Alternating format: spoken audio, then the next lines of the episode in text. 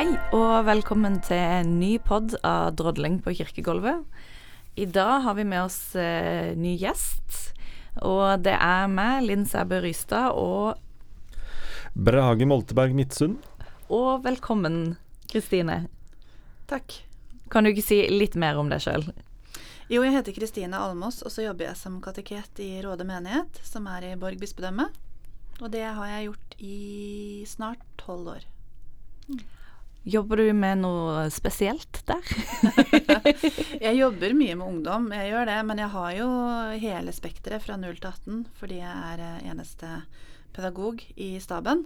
Um, men det er klart at eh, konfirmanter tar jo veldig mye av, eh, av tida. Og så jobber jeg ganske mye digitalt også. 10% av min stilling er som kommunikasjonskoordinator i prostiet. Det var, det var det det veldig ledende spørsmålet mitt eh, leita etter. eh, og så har du også en egen podkast. Kan du ikke si litt om den? Jo, den oppstår jo som så veldig mye annet digitalt innhold i eh, pandemien. Um, og det begynte jo som samtale med, med ungdom, og så Så jeg har et par samtaler med ungdom eh, og en kateketkollega. Ehm, men så kom det da spørsmål fra noen av ungdommene Kan du ikke spille inn et par av andaktene som du holder for ungdom, sånn at vi kan høre på det når vi holder på med andre ting? Så da gjorde jeg det også, så det er litt sånn eh, Det er litt, eh, litt av alt, egentlig. Um, Og den heter Kateketpodden, ikke sant? den heter Kateketpodden og ligger på Spotify. Mm. Eh, vi skal, dette kan vi snakke mer om en annen gang, men eh, det, er jo, det som er spennende med podkasten din, er at du jobb, snakker med ungdommer og Ja. folk i felten. Er det vanskelig å få de med? Um, alt handler jo om relasjon. Mm. Uh, sånn at hvis du har en god relasjon, og de er trygge på deg, og man blir enige om hva man skal gjøre, og hva, man, ehm, hva podkasten skal inneholde, eller episoden, da, da er det ikke så veldig vanskelig å få de med. Uh, for det handler om trygghet og, og relasjon. Men det er klart det er Det å få ungdom til å snakke om tro, er jo relativt eh, vanskelig, fordi det er Mm. sårbart, da. Men ehm, ja, det har gått veldig greit. Ja. Spennende, ja, for det, det tenker jeg. Og da relasjonsarbeid generelt er jo viktig som kateket. Eller, ja, eller i kirkearbeid generelt, er det jo ingen tvil om. Eh, men altså, det er utrolig fascinerende at man klarer å få med seg ungdommer, syns jeg, med i podkast. Mm. Og fantastisk bra. Eh, og da er det da ungdommer som hører på, da.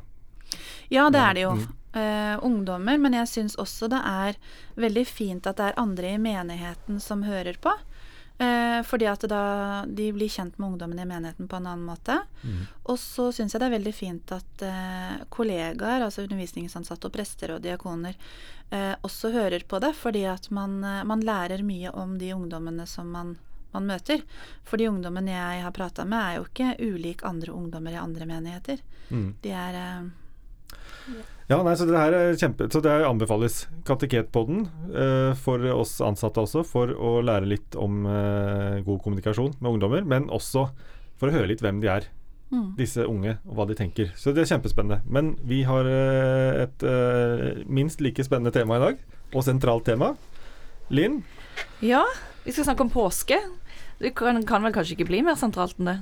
nå er vi i sentrum av, eh, av eh, kristen tenkning. Mm. kan man si. Og vi skal ha et påskeverksted hvor vi skal snakke om eh, påsken og hvordan vi formidler den. Ja, og ikke bare ja, både hvordan vi formidler den, men også litt hva, hva snakker vi Og når begynner vi å snakke om påske? Mm. Og hvordan. Og hvordan. Ja. Kjempespennende, fordi påsken er, uh, iallfall fra min erfaring, så, så har ikke jeg brukt så mye tid på påsken med mine konfirmanter. Eh, kanskje én undervisningssamling. Og så er det så viktig og så sentralt, og så er det jo så mye som skjer i påsken. Mm. Eh, så jeg tenker det er, dette er et sentralt tema, da. Og hvordan kan vi på en måte løfte opp det i undervisningen vår. Rett og slett.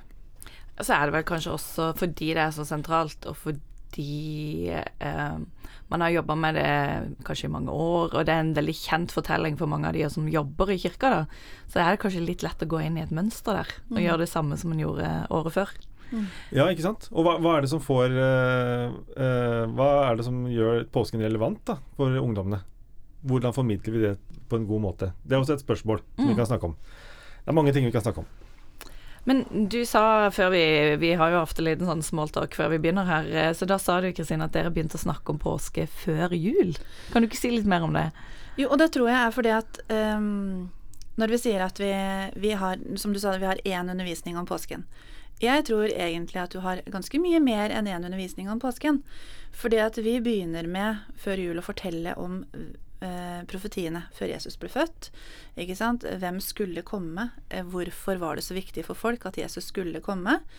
Eh, og så ble jo Jesus født. Som et barn, som, som et menneske.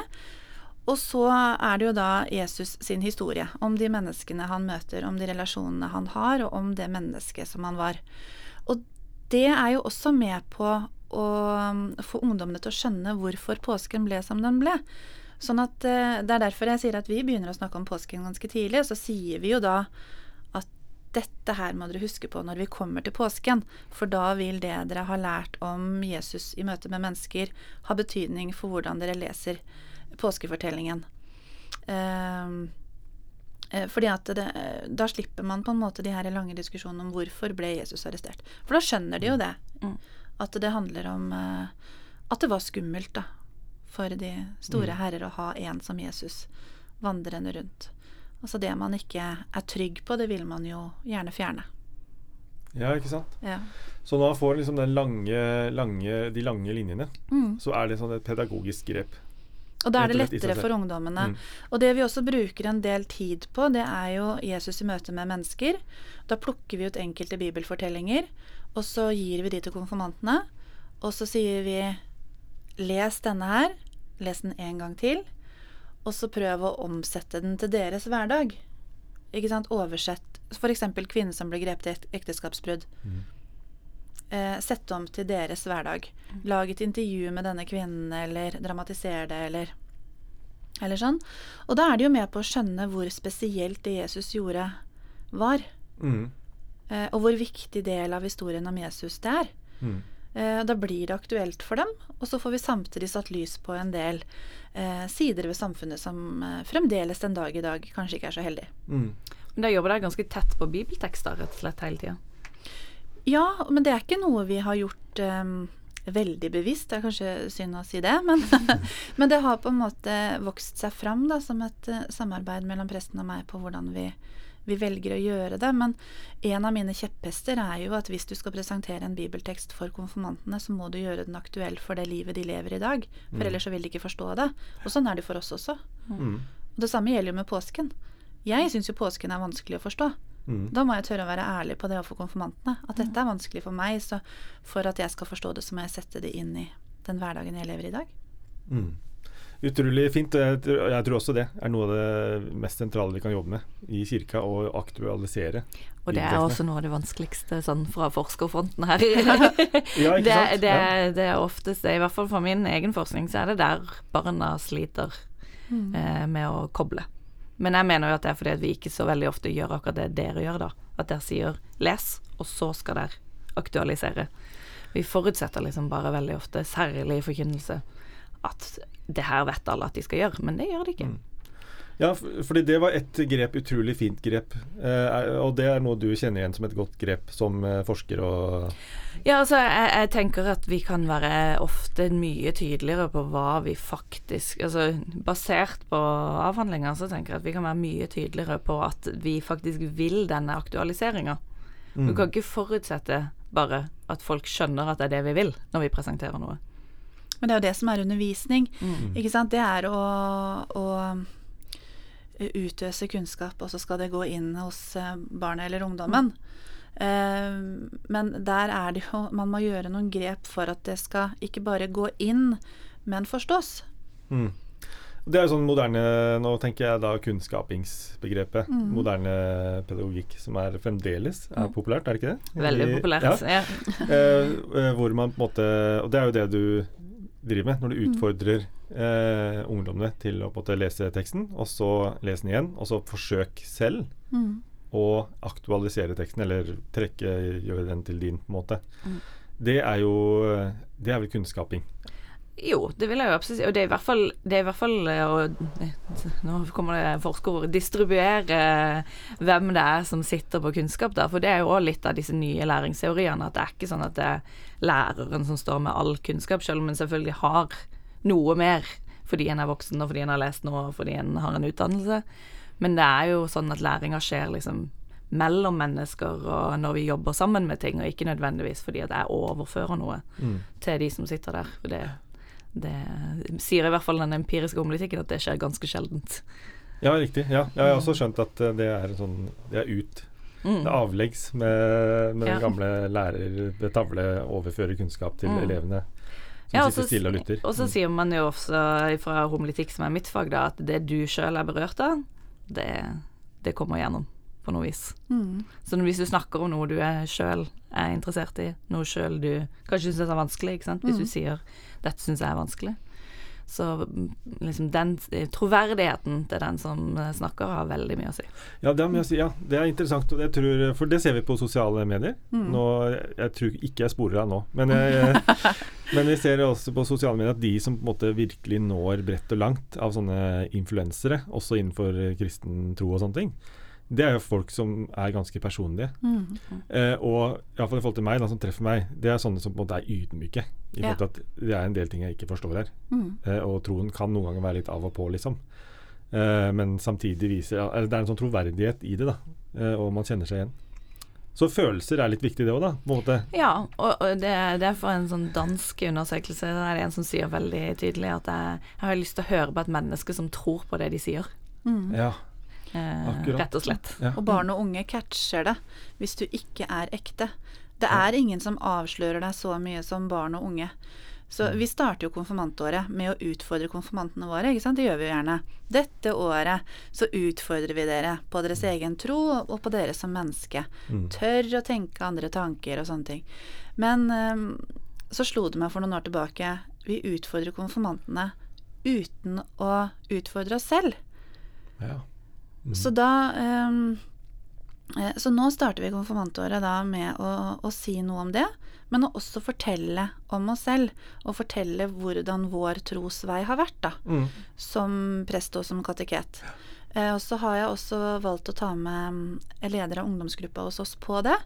Eh, det er hun som er med i de to første episodene, Mm. Ragnhild. Og, og hun forteller da sin troshistorie til konfirmantene. Mm. Eh, og så er det inngangen. Mm. Da har vi utfordra de. Og, og da er det mye lettere når vi da kommer til påske, at jeg kan si at dette her syns jeg også er vanskelig. Mm. Så jeg har god forståelse for at dere syns det. Ja. Og, og påskefortellingen er eh, Det er ikke som, eh, det er ikke som julefortellingen.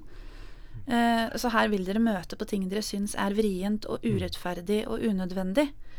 Eh, Men det gjør jeg også, fremdeles. Ja, og før vi virkelig går inn i påsken, så For det der syns jeg var så fint sagt. Og jeg husker at det første gang jeg var på stor leir, og det var med Hekta. Jeg har vært på leir med mange forskjellige organisasjoner som har veldig bra leirer, men det var Hekta da. Hvor man eh, bruker utrolig mye tid på gruppesamtaler.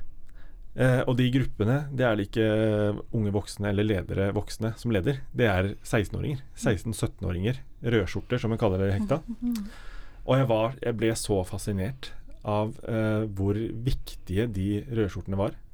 Og hvor mye utrolig god forkynnelse og menneskekunnskap de drev, selv om de ikke hadde så veldig mye kunnskap. Mm. Og at eh, jeg vil jo si at eh, mye av det beste forkynnelsen som skjer på de leirene der, skjer jo i de gruppesamtalene. Mm. Og de har jo litt, de går ut fra noen konflog og bøker og sånne ting, liksom, så de har litt. Rann, men det er den derre at du, du møter et ansikt eh, som er tett på i alder i forhold til deg sjøl, Mm. og, så- den ydmykheten. Mm. For det er vi veldig opptatt av at det skal være Du sitter ikke der som en ekspert. Vi Nei. sitter og snakker sammen, liksom. Mm. Og så er det masse prester rundt og kateketer og eh, menighetspedagoger som vil undervise, liksom. Det er ikke det, men, eh, men det er veldig fascinerende, Mm. syns jeg, at eh, det, det fungerer så godt.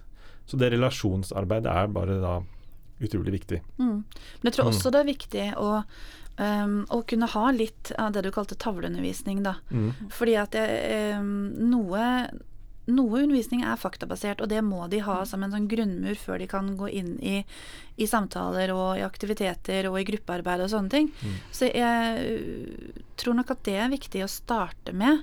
Mm. Ikke sant? Eh, faktakunnskap. Og så kan man gå inn i at man tenker litt variert helhet da, em, på arbeidsmetoder. Og Mm. ikke bare har gruppesamtaler, for da mister du noe av det grunnleggende. Mm. Eh, og ikke bare har det grunnleggende, for da mister du noe av kunnskapingen. Mm. Eh, men tenker helhet, da. Det, da må jeg bare Nå er jeg veldig nysgjerrig på alt sånt. Eh, når jeg skrev eh, konfirmantbøker, så var jeg veldig opptatt av å leste doktorgrader. Flere doktorgrader på pedagogikk. Holmquist og Tveito Johnsen bl.a., blant annet, og flere. Noen svenske som også er veldig gode. Og man fikk inntrykk av at eh, kun, kunnskaping det var sentrum, og da var liksom den tavleundervisningen Det var liksom nesten uhørt.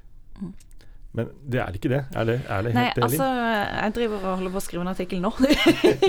eh, sammen med en svensk eh, forsker som heter Karin Rubensson, som har forska på barn og gudstjeneste i svenskekirkene.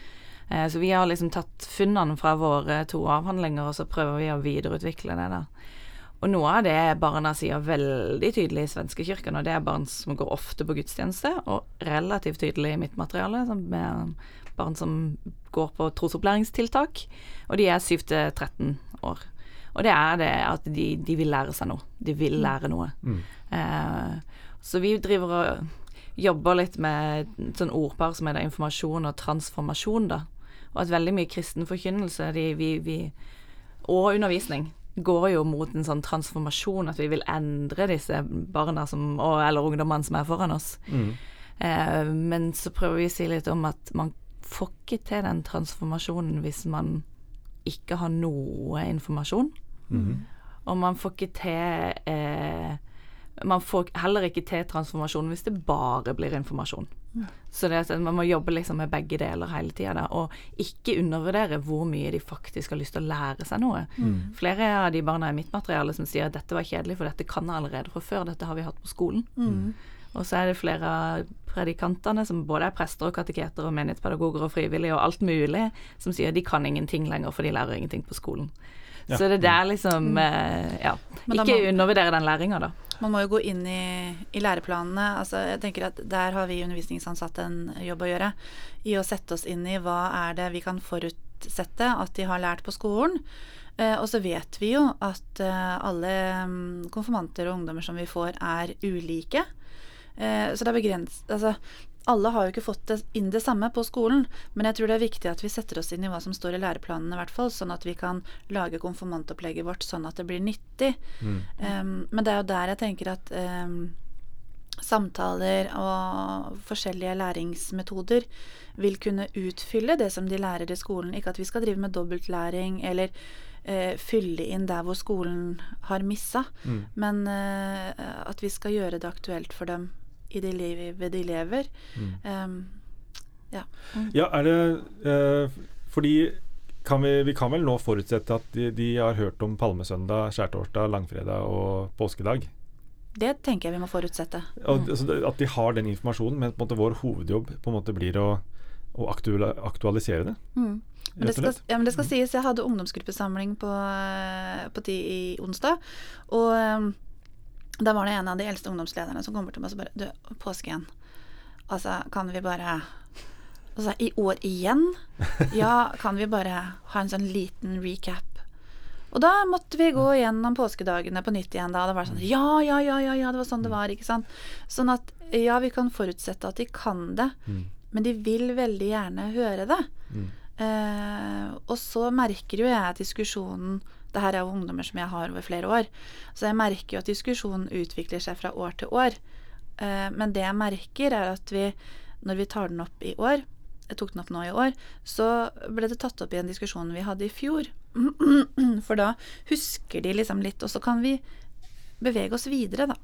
Ja, Så blir det ganske spennende diskusjoner av det. ja, det kan jeg tenke meg det blir. Mm. når man får den gjentagelsene, det må være utrolig spennende. Og så er vel, Linn eh, Fordi eh, jeg har jo barn sjøl, og jeg har også lest litt på det. At det å, å bli fortalt fortellinger, bli fortalt historier, det er sånn grunnleggende utrolig fint. Er det sånn fremdeles for ungdommene, liksom? Eller er det slik at det, det at man på en måte Å, kan ikke du fortelle igjen Kan det å på en måte fortelle påskefortellingen være verdifullt i seg selv, da, som et sånn pedagogisk Altså, det vet jeg. Jeg tror kanskje Kristine kan svare mer på enn meg, men, men jeg, jeg vil Magefølelsen min sier ja. Mm. Og jeg tenker at der har vi med oss en tradisjon fra jødedom og Gamletestamentet om å bare gjenfortelle, Mm. gjenfortelle, gjenfortelle. Fortell til dine barn, ikke sant, hele tida. Eh, så Men altså, hallo, så mye vi ser på TV-serier og hører på podkaster. Altså, vi elsker jo historier. Mm. Historier er jo eh, viktig for oss. Både eh, historier fra langt tilbake og historier fra andres liv. Mm. Um, vi skal ha påskemåltid da med den samme ungdomsgruppa. Uh, Ja. Da skal vi forberede mat sammen, og så spiser vi sammen. Mm. Og da får de høre fortellingen om skjærtorsdag. Mm. Og så fortsetter jeg da litt og tar med meg natta Mm. og morgenen også.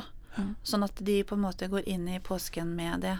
Mm. Um, men, og da kommer man jo over på dette med måltidsfellesskap, da, hvor viktig det er. Mm. Uh, og, og der tenker jeg at der har man jo en stor ressurs i skjærtorsdag med måltidsfellesskap. Der hadde du jo et måltidsfellesskap som har påvirka oss Mm. Mm. eh, sterkt i kirken. Og det tenker jeg vi må snakke mye om med konfirmanter og sånne ting, for at de skal forstå betydningen av nattverd. Mm. Eh, Altså, jeg har vokst opp med at vi første påskedag så hadde vi liksom familiefrokost. Og da hadde alle et bitte lite sånn type Kinderegg eller noe som mamma hadde spart på i løpet av året. Og inni det så lå det liksom enten et bitte lite linklede, et kors, en 200-krone. Og så liksom den av oss som fikk Vi måtte åpne, se hva vi fikk, og så fortalte vi på en måte sammen. Så der har jeg liksom tenkt at hvis jeg skulle jobba med konfirmanter igjen, så tror jeg jeg hadde brukt eh, vår påskedagsmorgen som en sånn Ok, men hva var det der for noe egentlig igjen, da? Så jeg tror det har vært med på at det liksom det, det, det, Jeg lærte masse av det. Ja, Veldig og, god idé. ja, veldig kjempegod idé. Og og så en, jeg var i praksis i en menighet Nes, da, som er i Borg, det òg, på Øvre Romerike, i fjor. Og da fant, på sparket fant vi ut at nå gir vi et påskeegg fra Nille da, med masse godteri. Bare kjører ut til alle 150 konfirmantene i kommunen. Eh, tenkte ja, det er jo kjempegøy og hyggelig og godt med godteri. Men det er jo, jeg har skjønt mer og mer at påskeegget virkelig eh, Altså egg, Mm. det har noe med påsken å gjøre. Det, det Masse sånne- symbolikk. Ja, det er masse Mm. symbolikk i forhold til påskedag og sånn. Så det er en del sånne fysiske ting. da Det er litt fascinerende og kanskje litt sånn eh, spennende at man har liksom maten. Mm. Man spiser sammen uh, og, og snakker om uh, fellesskap og, eh, og sånn samtidig. Og så det der påskeegget som man bruker. Men hvis vi på en måte skulle tatt hele storyen, da. La oss si at vi starter på palmesøndag. Mm. Uh, når jeg gikk på søndagsskolen, så var det kjempe, det er noe jeg husker best. Palmegrener som legges ned for føttene til Jesus, og at han får disiplene for å hente, som, til å hente esler esel for seg, og sånne ting. Altså, Det det står sånn- faktisk esler. Det er to. Esler? Ja, det er to. I, I grunnteksten så er det to, så det, det er det mange som har tulla med, at han rir egentlig på to esler samtidig. Ja, det er spennende. Det er, sånn, eh, det er spennende. Eh, jeg kan se det for meg. Ikke helt. Men, eh, men hvordan skulle vi formidla palmesøndag? For konfirmanter. Ja. Eller er det viktig? Tar vi på palmesøndag? Jeg tenker jo at det er viktig å formidle palmesøndag, for det sier noe om hvilken posisjon Jesus hadde. Mm. Eh, og da må vi igjen tilbake til de relasjonene han hadde. Og, og så tenker jeg palmesøndag, ja, viktig å formidle, men også de dagene som kommer etterpå. Ja. Ikke sant? Hvor Jesus gikk rundt og, og hadde samtaler og underviste og, og, og sånn. Eh, men eh, den stemninga som var når Jesus eh, kom inn ridende på to esler det, det, det tenker jeg jo sier noe om forventning, om status. Uh, og det mest fascinerende med det hele er jo at Jesus ikke er helt klar over sin egen status, uh, Mm. på en måte. Men, uh, men jeg tenker at palmesøndag er viktig å, å formidle. Mm. Mm, for det sier noe om eh, omstendighetene rundt, da. Så er det liksom Mm. opptakt, er det ikke det? Altså, Ja. her, her eh, Nå begynner det å spisse seg til. Ja. Her skjer det et eller annet. Mm. Eh, Og så dette her med to esler skal ikke ta hele Men det går an å høre på min tidligere podkast Bibel og babbel om de to Ja. Der, der snakker en som faktisk kan det om det, om det her. Ja, stemmer det. Det har jeg sett at dere har en podkast om det. Men, men altså, det er noe med opptakten, og liksom Mm. nå begynner spenninga å bygge seg opp. For det er jo en spennende historie. Jeg har liksom lurt liksom er det, her, er det derfor vi leser så mye himla, himla mye påskekrim? Fordi Mm. at dette her er liksom grunnkrimhistoria i, i fortellinga i Vesten. Ja, men det, det er fascinerende. og Jeg har jo også lest mye på sånn eh, Jeg har vært på noen forfatterkurs og skrivekurs og sånne ting i forhold til eh, plott Mm. og oppbygning av plott og sånn, og for å skape forventning og sånne ting. Og da er jo på en måte så at Hvis du tenker at det skal Det er jo det å gjøre påsken til et uh, plott et spennende grep. Mm. Pedagogisk også. også. Og det er jo det. Det er jo en historie. Mm. Uh, men også å, å lage en oppbygning, da. Eller på en måte bygge opp under den. Gjennom å også sette i gang med påske Eller med palmesøndag. Ja, så er det jo en historie som fortelles på litt forskjellige måter i de forskjellige evangeliene. Mm. Så det går jo også Det går jo an å slå det sammen til én fortelling, det gjør jo veldig mange. Mm. Men det går jo også an å tenke at eh, i år tar vi Markus, neste år tar vi Matteus, og så tar vi Lukas. Eh, Ja. Og så har jo Johannes har vel en sånn ikke like sånn direkte narrativ som alle andre, sånn som Johannes alltid er litt annerledes. Ja. Men altså, det fins jo påskefortellinger i alle fire evangeliene, så det går an å lage en, en sånn turnus på fire år, der man forteller de forskjellige variantene, f.eks. Litt variasjon. Mm. Uh, i dag, uh, nå har Jesus kommet, og han har blitt uh, ønsket velkommen. Og vi aner at det er litt skepsis allerede på palmesøndag. Og så er han, nå er han i Jerusalem. Mm. Eh, hva, I de dagene mellom palmesøndag og skjærtorsdag, er det noe vi burde trekke Du nevnte det, Kristine. Ja. Er det noen spesielle tekster og fortellinger vi burde trekke inn der?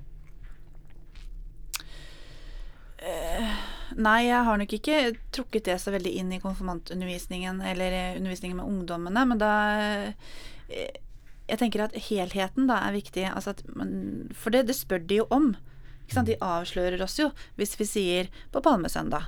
Ikke sant? Og så neste dag vi da snakker om, er ja, også på skjærtorsdag. Mm. Og da har jeg blitt avslørt både av konfirmanter og av barn da, på at du, det er noen dager mellom mandag og torsdag. Mm. Hva skjedde da? Mm. Og istedenfor å si nei, da skjedde ingenting. Det var jo ikke ingenting som skjedde. Fordi- og masse ja. i kulissene, ikke sant. Mm. Ja. ja, du aner jo det. Ja. At det er jo masse i kulissene eh, når du kommer til skjærtorsdag. Mhm. Eh, men er ikke den eh, når Jesus renser tempelet? I, i et av evangeliene, og det burde jeg jo selvfølgelig huske hvilket, men det gjør jeg ikke akkurat nå, eh, så er det Og det er jo en spennende tekst. Mm. Ja, ja, det syns jeg òg. For det er kjempespennende. Fordi eh, der kan vi jo snakke om eh, I forhold til å aktualisere det for mm. eh, konfirmantene, så kan vi jo eh, snakke om hykleri. da Mm. Mm. Dobbeltmoral og, og masse sånn. Og, og også hva, hva fokuset til Jesus faktisk var. Ja, og at det er en Mm. Jesus som er sint, ikke sant. Viser følelser, er et ordentlig fullblods menneske med forskjellige ja, med forskjellige følelser, og som uttrykker de også. Mm. Veldig ofte så putter vi Jesus inn i en sånn snill boks, ikke sant. Mm. Men der bryter Jesus ut av den boksen veldig tydelig. Mm. Og provoserer noen. Og provoserer Mm. definitivt noen. Ja. Men det gjorde han jo hele tida, da. Men uh, ja. Mm. Ganske tydelig der, da. Men Mm. når vi har uh, hatt uh, inngangsprosesjon på palmesøndag eller i forbindelse med den teksten, så er det jo da Går man da rett fra inngangsprosesjon med palmegrener og, og, og sånn, til å velte bord, Ja. ikke sant? Ja. Em, som start på gudstjeneste. Så man får liksom hele Den, den hører litt sånn sammen, da. Mm. Mm. Da jeg jobba som pastor, så hadde vi Palmesøndag eh, og skulle ha drama. Og da Mm. prøvde jeg å få en sånn tiårig gutt, han skulle spille Jesus da, skulle velte bord. Han var bare sånn Nei, det kan jeg ikke. Å nei. Jeg, altså, vi er jo i kirka, kan ikke velte bord her. Liksom. Så, så bare det at det, det også Det bryter egentlig litt med gudstjenesten og med kirke, og liksom du, du røsker litt i ganske mange, altså, hvis du faktisk tør å velte bord inn i, inn i gudstjenesten. Ja, du gjør det. Mm. Og det gjorde jo Jesus i Ja. tempelet. Så det er jo det er fascinerende. Eh, men vi kan jo bevege oss inn da mot uh, skjærtorsdag, så vi ikke bruker Kunne jeg bare hele- sagt Ja, ting til om ja. palmesøndag? Altså, jeg lurer på om det er noen sånn Jesus i- i hele tida blir liksom opphøya av andre mennesker.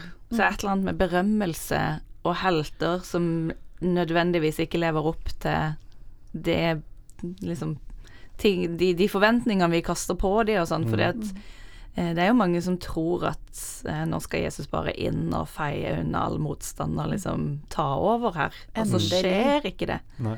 Så det er et eller annet med liksom, den berømmelsesdelen og sånn som jeg også lurer på om kunne vært en sånn aktualiseringsbit. Ja. Mm.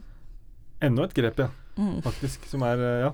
Det er jo litt spennende grep, Mm. fordi at uh, superhelter og uh, Jeg merker jo veldig på ungdommene at de har noen idealer som jeg tenker ikke er sunne for dem, eh, og som ikke er ekte heller.